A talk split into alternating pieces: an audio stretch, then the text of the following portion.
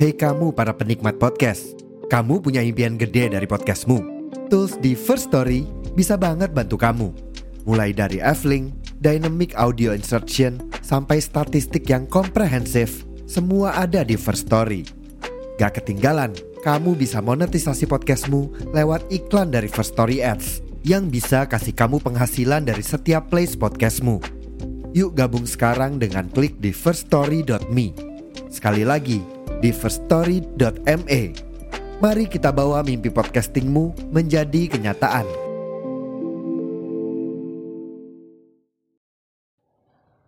Hai, apa kabar?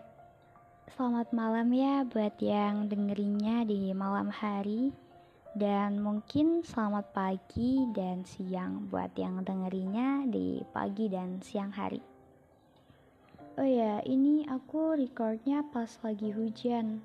Jadi mungkin kalau ada distract harap dimaklumi ya. Tapi kalau lagi hujan gini vibesnya makin beda deh. Apalagi nanti kalau dengerinnya pas lagi hujan juga bakal lebih deep. Oh iya di sini di podcast kali ini Asa dan Rasa bakal bahas tentang mental illness bukan hal yang sepele ya sekarang ini kalian pada sadar gak sih banyak banget kata yang nyepelein perasaan baperan Apaan sih gitu doang? Biasa aja kali. Padahal mereka nggak tahu apa yang sebenarnya kita rasain. Sepenting itu menghargai perasaan orang, tapi juga semudah itu patahin mental orang. Emang ya, kadang dunia jahat banget. Bukan dunia sih, lebih tepatnya lingkungan sekitar kita di mana kita berada, dengan siapa, itu pengaruhnya besar banget buat kesehatan mental. Mental bukan hal yang bisa disepelein, dianggap nggak penting, karena mental tiap orang itu beda-beda. Misal gini, kalian berada di lingkungan yang maaf, toksik, tapi kalian tetap bisa bertahan.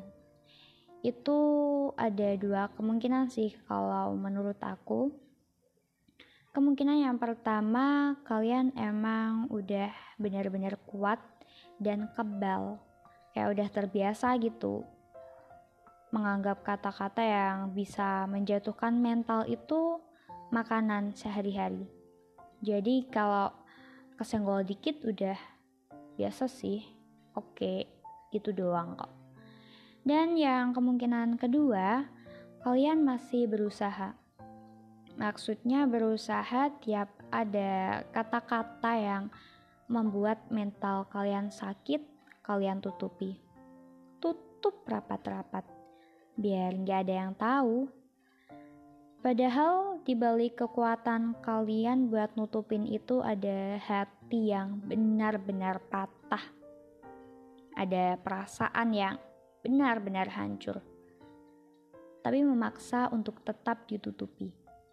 Karena apa? Ya, emang lingkungan kita setoksik itu. So, lingkungan itu pengaruhnya besar banget buat kesehatan mental. Tapi sebaliknya, kalau lingkungan kita baik, selalu support apa yang kita lakuin, selalu memberikan positive vibes. Kalau misal lagi down, diberi semangat. Ya, intinya sebagai support system lah. Tapi kalau misal kita udah diperangkap di suatu tempat yang benar-benar buruk pengaruhnya, keluarnya juga akan sulit. Tapi kalau sulit, bukan berarti harus bertahan di lingkungan yang toksik. Kalian harus bisa pergi atau meninggalkan ketoksikan itu demi kesehatan mental yang kalian punya. Karena kalau dibiarkan terus-menerus, mental itu pasti juga akan rusak. Jangan pernah menuruti sesuatu yang kalian sendiri nggak mau. Kalau ada hal yang menyuruh kalian, tapi dalam hati itu sangat bertolak belakang sama kemauan. Ibaratnya kayak gitu. Itu jangan pernah dilakuin. Apalagi kalau udah berurusan sama yang namanya mental. Jangan pernah. Karena itu pasti akan membuat mental jadi makin down. Mental illness ini bisa berasal dari siapa pun dan apa pun. Dari sahabat terdekat kita, keluarga, dan lingkungan sekitar. Sekarang ini banyak banget hal yang bisa rusak mental berkedok jokes. Iya, jokes. Pasti di sini kebanyakan udah pernah merasakan sih Dibilangnya cuma candaan, tapi ternyata ngena sampai hati. Mungkin mereka nggak bisa bedain kali ya, mana yang candaan, mana yang bikin mental rusak.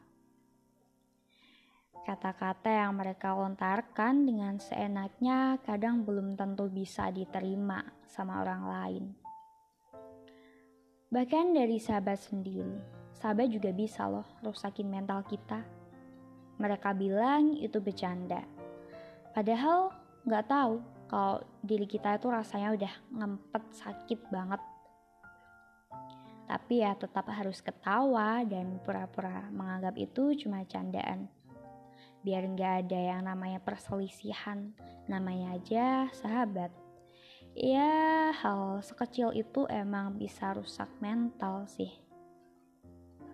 Selain teman, sahabat keluarga adalah salah satu orang yang bisa jatuhin mental kita.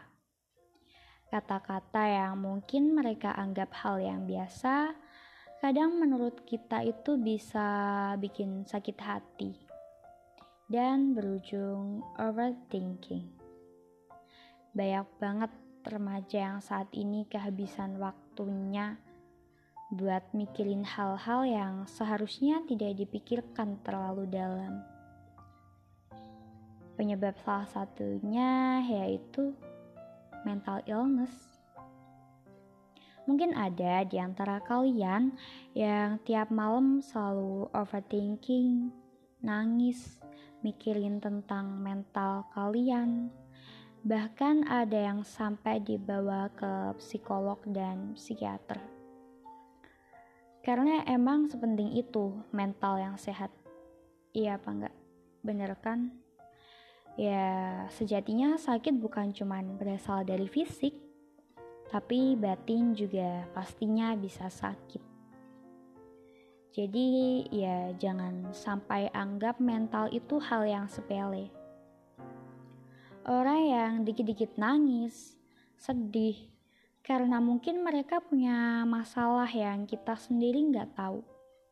Jangan anggap itu alay, lebay, gitu doang. Stop. Jangan anggap kayak gitu. Pikirin mental orang lain. Karena ingat sekali lagi, mental tiap orang beda-beda.